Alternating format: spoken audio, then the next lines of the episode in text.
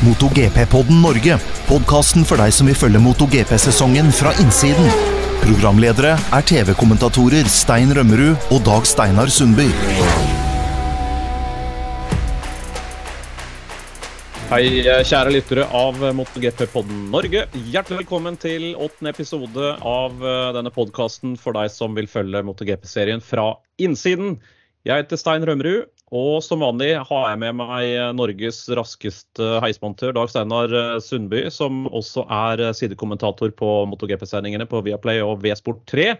Hei igjen, Dag Steinar. Hallo, hallo, Stein. Da er vi klare til en ny episode. Det er vi. Vi skal uh, snakke om litt forskjellig i dag. Vi skal oppsummere Italia Grand Prix, som ble kjørt forrige helg. Og så skal vi se nærmere på VM-tabellen etter åtte VM-runder. Og vi må selvsagt snakke litt om Catalonia Grand Prix, som kjøres allerede kommende helg. Og det er en del uh, silly season-rykter vi skal innom.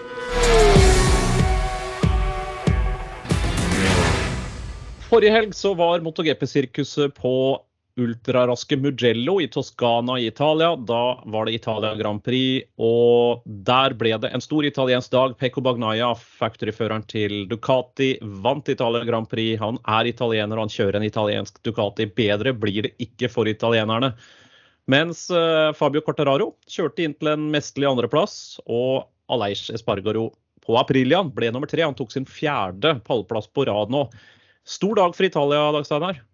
Ja, det er ingen tvil om at det kunne jo ikke vært bedre for Factory Ducati å vinne på Mugello med dems førstefører, da, Bagnaya.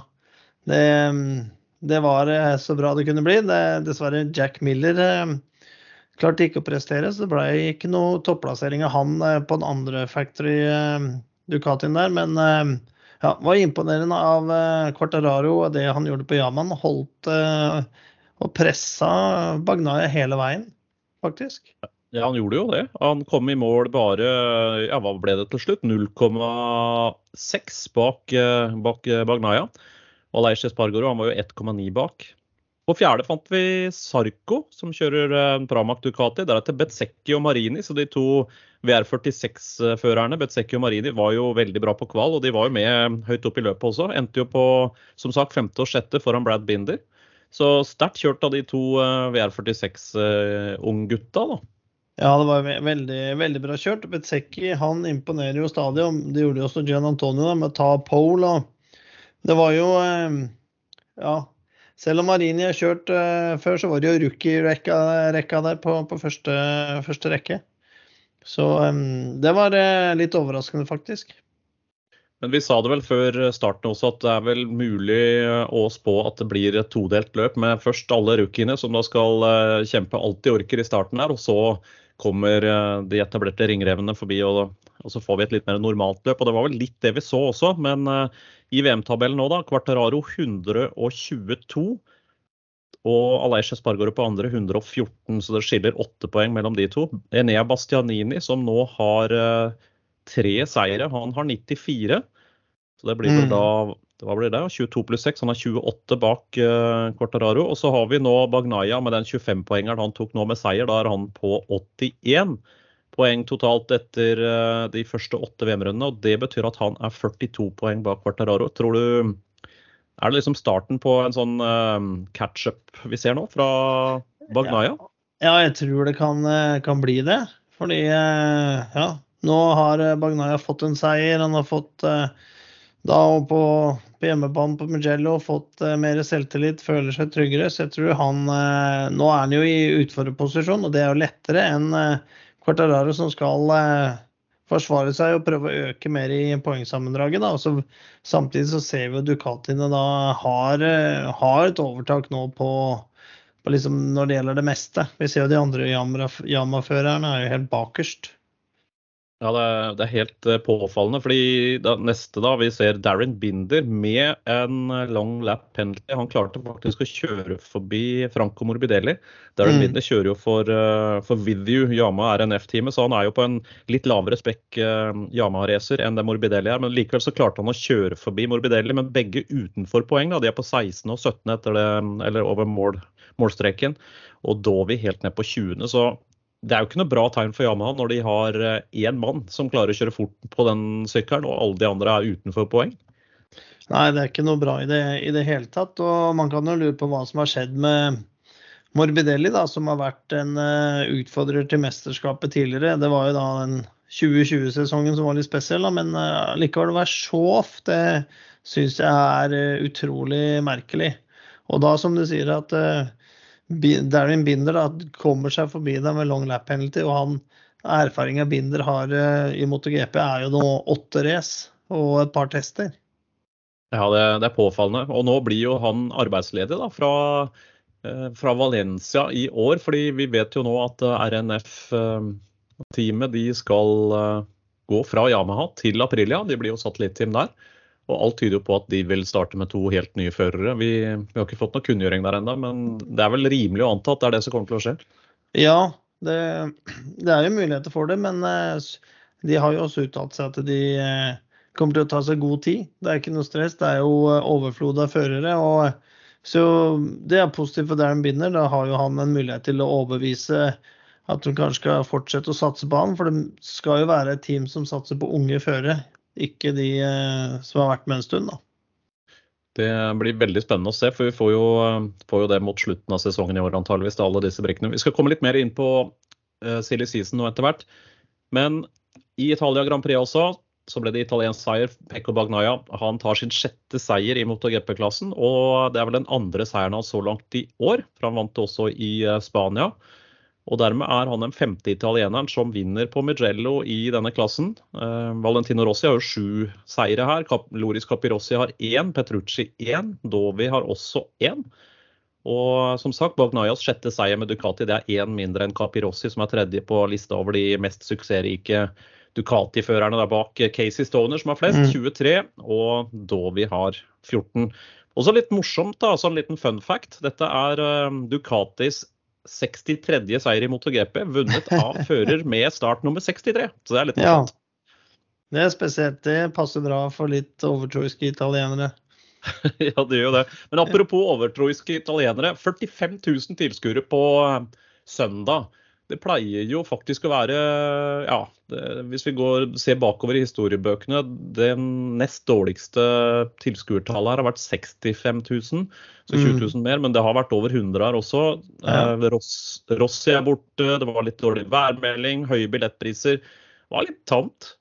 Ja, det var det. Det var ikke det samme som vi er vant til. Det var jo noen klynger der hvor det var eh, bra trøkk, men det var ikke den eh, valfartinga til uh, Mugello og ligge i telt oppe i åssidene der og sånn. Det var jo ikke det i år. Og, men ja, én ting er, um, er Rossi-faktoren, som uh, drar jo bort en del. Og så har det jo vært veldig tøft for Italia under pandemien og økonomisk sånn. Også i tillegg så var jo billettprisene nesten det dobbelte på Mugello i forhold til det var på Le Mans. Så um, de hadde nok overprisa seg kraftig også, vil jeg tro. Og hadde trua på at det, det var så sterkt ønske for publikum å komme tilbake. Ja, der må noe gjøres, for det er jo veldig trist. Dette er jo et løp som det pleier å være en helt unik atmosfære på. Men det var eh, overraskende glissent på tribunene og de grønne gressbakkene rundt banen her. Um, litt tilbake igjen til uh, mesterskapet og poengene. Vi ser jo nå så langt at det er kun to førere som har tatt uh, VM-poeng i alle løp så langt i år. og Det er Quartararo som leder mesterskapet nå, og Aleish Spargaro som er nummer to. Så De er jevne, de to. Tror du, tror du Aleish Spargaro nå klarer å holde helt inn? Altså Nå har vi kjørt åtte av 20 løp. Det blir jo ikke 21 løp i år, for Finland Grand Prix er avlyst. Ja. Så 20 løp, så vi er snart halvveis. Og um, han ligger åtte poeng bak uh, Fabio Portararo. Tror du nå at det er mulig å få en Aprilia helt mot toppen, helt inn? Ja, det kan være det. Han er jo litt sånn underrated fører, for å si det sånn, og har vært det. Så, og, så lenge jeg tror Apriliaen den holder nå, og de har ikke hatt så mye tekniske problemer som de har hatt tidligere. og har jo fått dette til å fungere bedre også. Og de er, sier de er faktisk ikke sikre på om de behøver å bruke alle motorer heller, som de har da tilgjengelig. Så at de prøver å pushe litt nå, sikkert mer på Vinales, at de kjører lengre med motoret hans for å teste den eh, holdbarheten litt, eh, litt, ekstra der, for å se hva de har å gå på i forhold til hva de også skal gjøre neste år. da. Så jeg tror Aleix nå har alle muligheter til å gjøre noe veldig stort, og det har han allerede gjort. Men jeg tror også at han kan Ja, så blir det spennende å se, men jeg tror han kan holde trøkket helt ut. Han har nå fire pallplasser på fire løp etter hverandre, og han er vel da også den tredje føreren som på, hvis du ser på feltet som det er i dag, som har klart å gjøre akkurat det. Det, er bare Mark Marcus og Dovi som har, um, har klart det. Uh, med fire på rappen av de som kjører aktivt nå. Så det er, det er sterkt. Det viser jo at han er jevn. Og jeg er veldig spent på å se hva han klarer å gjøre i Catalonia. Det er jo hjemmebane for hans del. Vi skal komme litt tilbake til etter hvert, men han er jo født og oppvokst bare et steinkast fra banen. Så vi skal ikke komme med spådommene riktig ennå, det skal vi komme til når vi kommer til, eh, til Catalonia Grand Prix. Og vi skal snakke litt mer om det etter, eh, hvert. Men eh, en bra helg i Italia. Vi hadde en Quartararo der som hadde et toppfartshandikap, men allikevel. han han tapte kanskje et sekund på det raskeste partiet der, men han tok inn det sekundet igjen på det tekniske og bare 0,6 bak over målstreken. Det var en, en, styrkedemonstrasjon på en litt svak bane for uh, Quartararo, det vi så der. Ja, helt klart. Han uh, kjørte veldig bra. Bra på søndag. Han fighta hele tida, gjorde ikke en feil. Det var helt så å si perfekt race hele veien. og Magnaya var sterkere på noen, noen steder på banen. og Quartararo på andre, så, men han hadde ikke, hadde ikke punchen til å ta opp fighten med, med Bagnaya da, i og med at den Ducatien har så høy toppfart nå, og det funker så bra sånn. da, så eh, For ellers så var han jo litt raskere på den tekniske delen av banen. Ja, absolutt. Det så vi på runde etter runde, at det var der han tok inn igjen det han tapte på, på topphastighet. Men apropos topphastighet, vi fikk jo ny topphastighetsrekord også. 363,6 km i timen, uh, Jorge Martin. Jeg begynte å regne litt på det. Det er 101 meter i sekundet. Da. Det går fort. Ja, det var som du sa under sendinga også, det er jo én fotballbane i sekundet, det.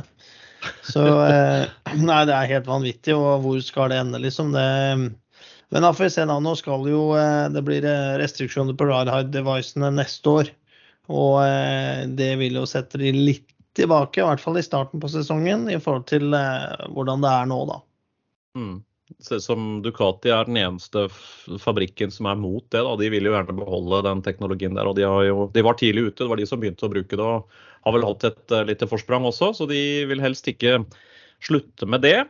Men uh, det blir en del endringer utover uh, mot slutten av sesongen i år, sånn rent i de tekniske diskusjonene. da. Og så får vi noen endringer inn mot 2023. Det var vel det vi hadde tenkt å si om Mugello og Italia Grand Prix 2022. Men til helga så er det Catalonia Grand Prix.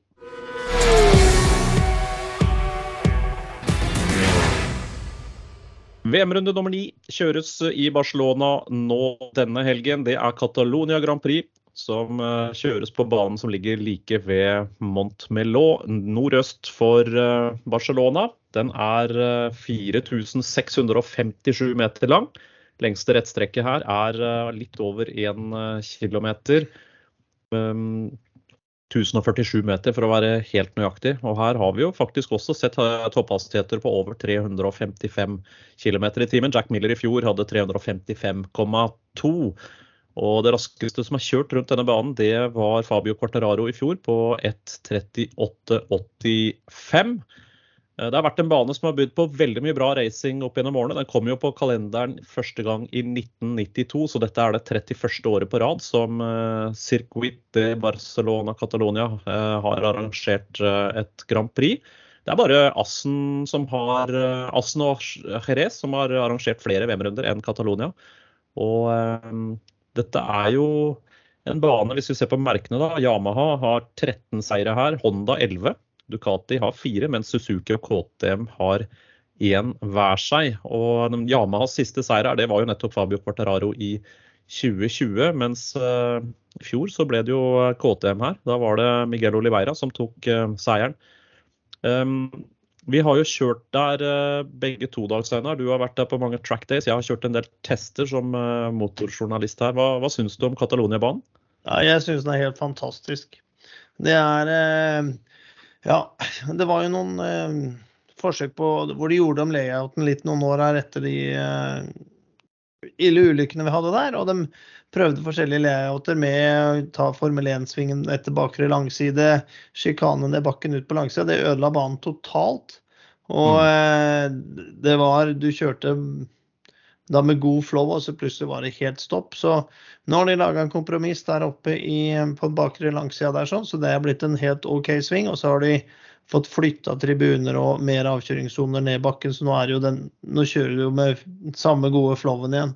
Og den er utrolig, utrolig artig å kjøre, med også litt høydeforskjeller. og ja, det er vel kanskje bare én sving hvor det går litt eh, ekstra litt sånn sakte. Det er sving fire, er det vel. Mm. Um, men uh, ellers en fantastisk flow og akselerasjon og alt. Så det, det, er en av de klassikere på, på kalenderen. Ja, Tipper, ja, ikke sant? Jeg er helt enig med deg, og jeg liker jo særlig sving 3, den evig lange høyresvingen som tas med mye akselerasjon. og Det sier jo også eh, Michelin at det er kanskje en av de svingene. Det er to svinger de sier som er mest krevende for dekka, og det er, eh, det er sving 3, som er denne lange høyresvingen, og så er det sving, sving 14, som er den høyren som ender ut på start- og målsletta her. Eh, her også blir det asymmetriske dekk, sier da Michelin. Så de har mm. litt hardere compound på høyre side enn på venstre side. Mm, ellers da så er det jo denne Det er jo en sving med litt uh, Tenk på sving fem, der det er ja. hard, hard, innbremsing og litt feildosert, litt nedover. Det var kanskje den svingen du tenkte på? Ja, det var den jeg tenkte på. Jeg telte, telte feil, men det, det stemmer, mm. det. Det er jo der det går saktest. og som du sier, denne, det er jo nedoverbakke og feildosert, så det er fort gjort å få forutslipp eh, inn og ned der. Og så er det den harde innbremsingen i enden av bakre langside. da, det inn mot sving 10. Den har jo blitt eh, bygget om litt i moderne tid. Det har etter hvert nå blitt en sving som har blitt veldig veldig fint, veldig bra. Ja. Eh, men ifølge Brembo så er dette et av de mest krevende punktene. og nå denne helga blir det jo 355 mm eh, skiver for flere av førerne. Skal vi se hvordan det fungerer, og hvordan, ikke minst hvordan de klarer å kvitte seg med all den varmen som de skivene produserer, som forplanter seg i både felg og dekk. Jo, vi har hatt mange utfordringer med forhjulstemperatur denne, helgen, denne sesongen. Så det kan jo bli noen utfordringer med det også i Catalonia. Ja, men de er nok de, er også, de nye skivene er jo ventilerte på, mm, i senter liksom også, så det, det er også noe nytt. så ja, det blir spennende å se når de bruker de. Så er det jo da 24 runder som skal kjøres. Det er en total racedistanse på 111,8 km, så det blir en tøff jobb. Værmeldingen ser ganske bra ut. Det er i øyeblikket nå en 26-27 grader på dagtid her. Vi spiller jo inn dette på onsdag. Eh, før, eh, før VM-runden. Og det ser ut til å være sol på lørdag, litt overskya på søndag, men det ser ut til å være sånn mellom 23 og 28 grader hele helga. Så det ser ut til å bli veldig bra. Ja, Såpass bør det være i eh, Spania på den tida av året. At du får bra vær da. jeg syns det. Første helga i juni. Vi har hatt såpass mye dårlig vær før i år at det, det er egentlig helt greit. Um, hvis vi ser litt på den banen her dette, altså Forrige gang Ducati vant uh, i Catalonia, det var i 2018. Det var Lorenzo. Han sto i pole det året der. Uh, og de har jo hatt uh, fire seire her, inklusiv sin aller første MotoGP-seier noensinne. Den tok Capirossi her i 2003. Hva tror du om Ducati nå? Vi har jo Bastianini på hjemmebane. Eh, og en Bagnaya på, på hugget akkurat nå. Ikke minst også en Martin. Ja, Martin han skal vel inn i en sånn armoperasjon han nå? Ja, er, eh, han hadde hatt noen problemer der med de nervene. og Det var jo på Le Mans han eh, mista følelsen. og så ja, Når det gjelder det, så eh, Fernandes, eh, Raúl Fernandes sliter jo litt med noen nerver og muskulært greier, han også. Eh, eh, ja, men det er jo mye Ducati nå. Det er jo åtte sykler på griden, og alle fungerer veldig bra. Så nå skal vi se også da med Gian Antonio om han eh, fortsetter den formen han har. Og så så vi jo Det var spesielt også på Mugello med VR46-føreren. Det er som du sa under sendinga, og det er jo gjort masse runder der med Panegaler, og de har kjørt mye der. Og, men de har kanskje ikke den samme fordelen når vi kommer til, eh, til Catalunya. Nei, det blir, eh, det blir, interessant å følge uansett. Eh, for Honda så blir det jo litt utfordringer nå. Mark Marquez kunngjorde jo i forbindelse med forrige helg at han nå skal opereres igjen. Det blir den fjerde operasjonen i overarmen. Nå skal de da skjære over dette overgangsbeinet og, og, vri det litt mer på plass. Det har grodd litt skeivt. Eh, det har rotert under eh, mens det har grodd, og det har gjort at han har fått en feil belastning på muskler og sener. Og det har forplanta seg også både i skulder og, og, i den andre armen, fordi han sitter jo da litt feil og sitter veldig ubekvemt på sykkelen. Så han blir jo nå ute store deler av 2022. Eh, Vi tror vel at han antageligvis er borte resten av sesongen. Dag Steinar. Så for Honda sin del nå, det er jo Stefan Bradel som tar over. Nakagami og Paul Espargaro har jo ikke akkurat vært i storslag eh, i det siste. Og nå da Bradel inn som reservefører. Det ser ikke helt lyst ut for Honda heller? Nei, det blir ingen pallplass på Honda i, i år eh, i sammendraget. Det er jeg ganske sikker på. Um, de, ja, de har falt litt bak, og da selvfølgelig når de toppføreren deres er skada og ikke får har ikke mulighet til å få til å fungere da, med den armskaden han har, så vi får bare krysse alt som krysses kan for at han kommer tilbake igjen i 2023 og kan kjøre nat hans naturlige stil, altså, som han har gjort i alle de åra her, og vært vanvittig god. Um, jeg tror uh, ja, både Paul Espargaro, Nakagami og Alex Marquez vil kjøre det de kan for å beholde jobben sin uh, neste år. Det, og de har press på seg utover hele sesongen nå at, å levere. Ja, Det kom med litt nye ting også, Honda, i Italia. Vi så bl.a. Mark Marquez med en ny ramme. Litt annen svingarmsinnfesting, og vi så sveisene var litt annerledes. Så det er tydelig at de jobber med å prøve å få en litt annen balanse igjen i den Honda. De flytta jo eh, balansen noe bakover, og det har vel ikke vært helt suksess Får vi se da om de kommer med et nytt chassis også nå i Catalonia. Dette har jo vært en bane som Honda har gjort det tradisjonelt ganske bra på. Mark Marquez vant jo her i 2019. Men de har hatt elleve seire i den eh, mest prestisjefylte klassen da, inklusiv fem på rad med Alex Crivier, Carlos Checa og Mick Duen fra 95 til 99. Det var jo 500-perioden. I tillegg så vant de Rossi her for Honda i 2001 og 2002.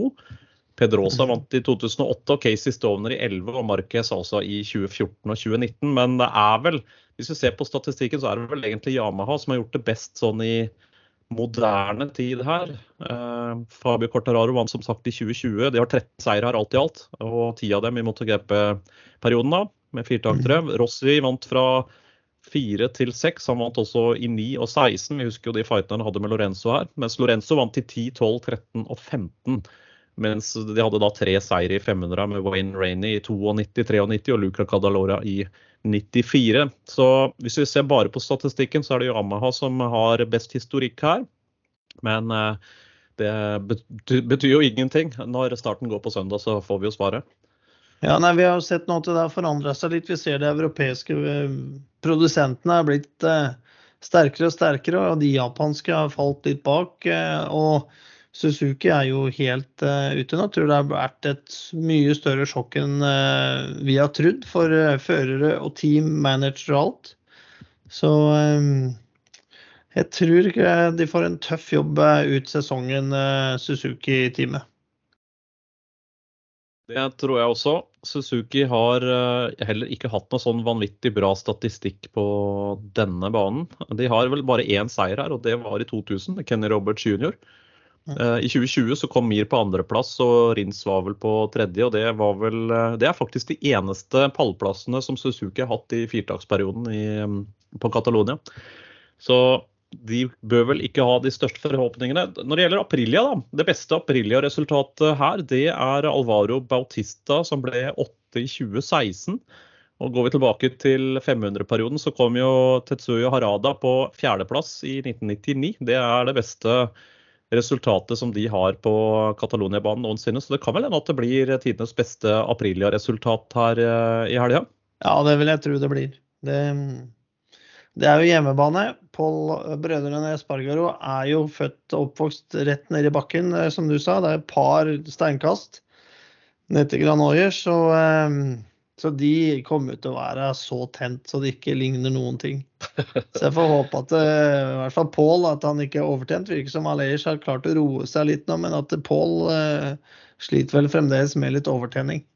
Ja, Det er såpass kort avstand da, mellom eh, Fabio Quartararo og Aleish Espargaro nå. Det er en, en nullpoenger fra Fabio der, så kan fort Aleish gå opp i tet. Han. Så han, eh, ja, ja. Han, han, tenker poeng, han tenker mesterskap. Og som sagt nå har han jo fire tredjeplasser på rappen, og sånt blir jo veldig mye poeng av. da.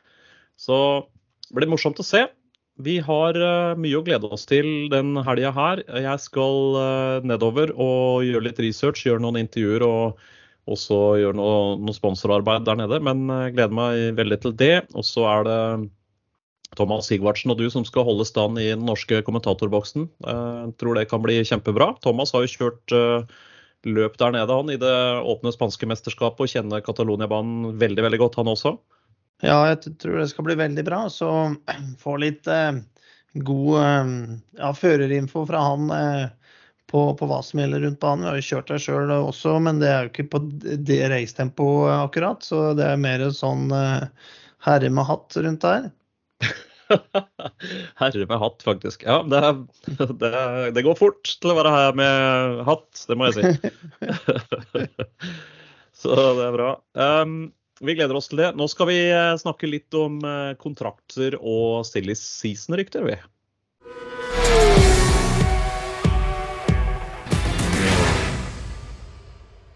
2022-sesongen er i ferd med å bli en litt uh, annerledes uh, sesong. Vi har uh, for det første sjokknyheten fra Suzuki om at de trekker seg fra mesterskapet. og De skal da ikke stå på startstreken i 2023.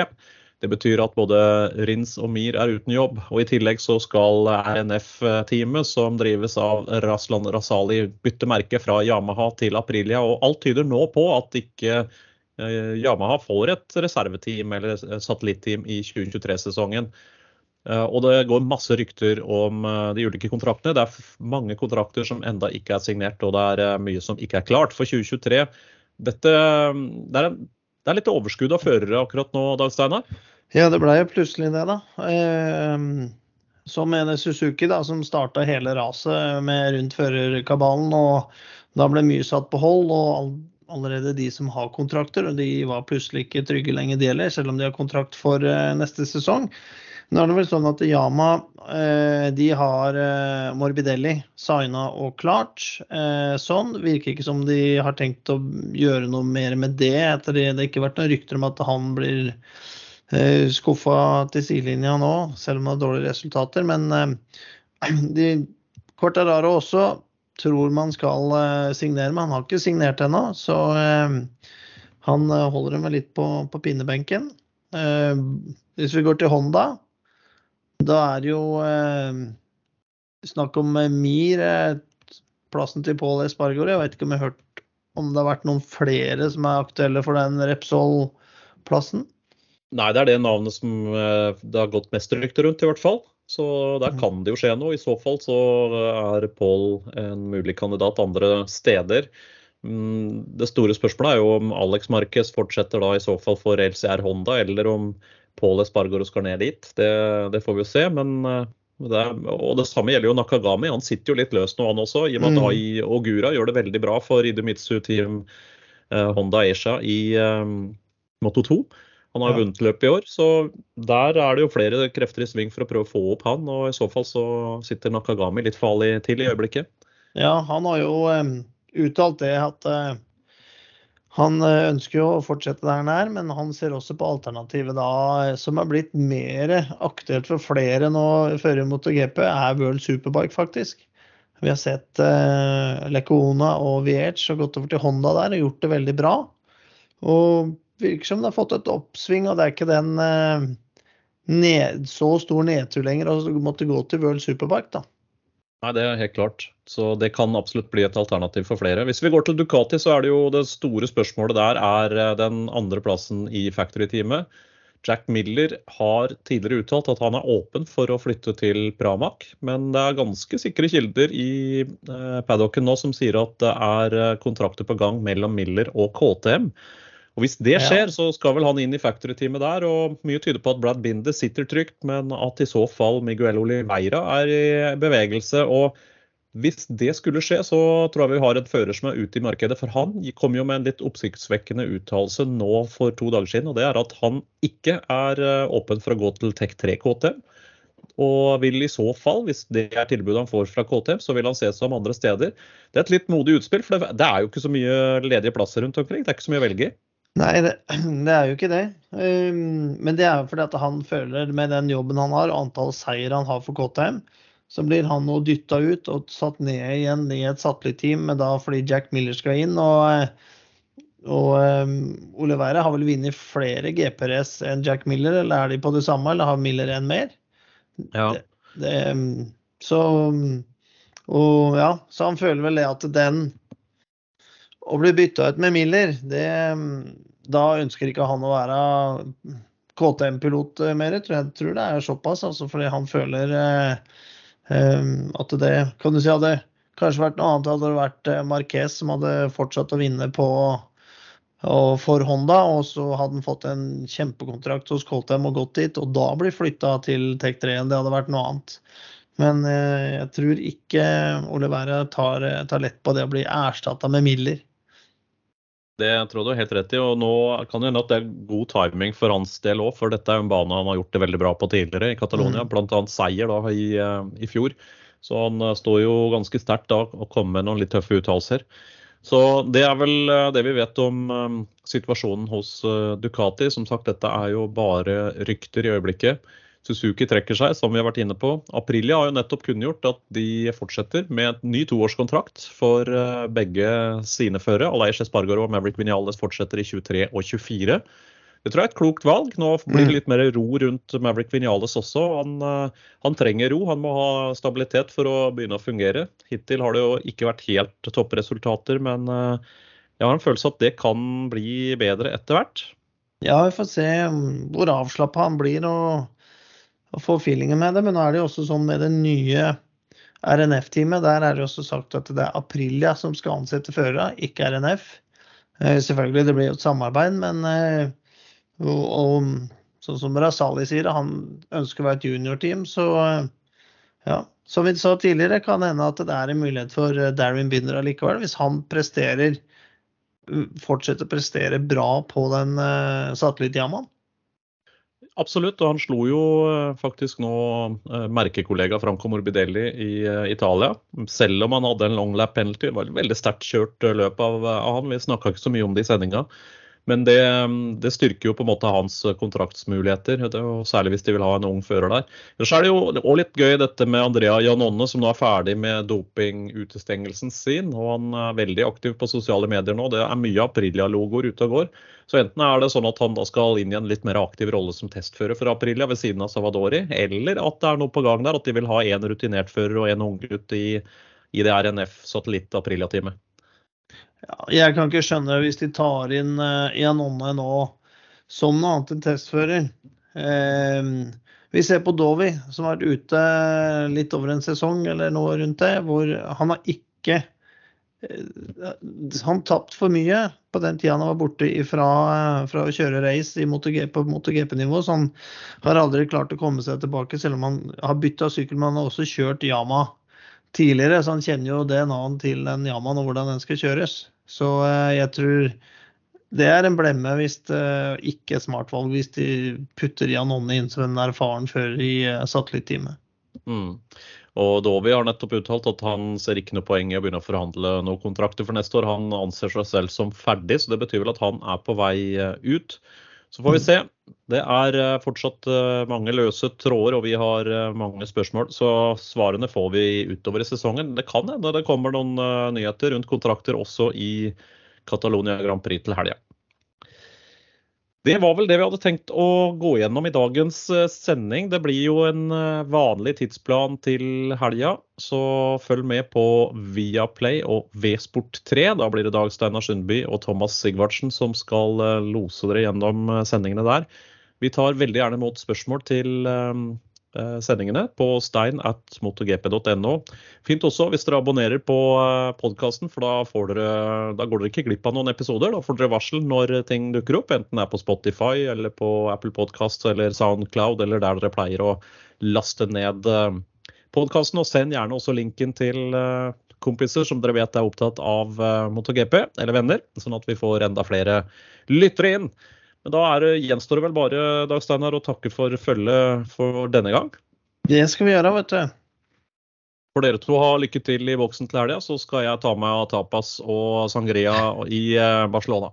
Det er ikke noen tvil om at du klarer det veldig bra. Så får vi ha sånn hotline eh, ned i bandet bandepot på Catalunya der med Mr. Rømmerud.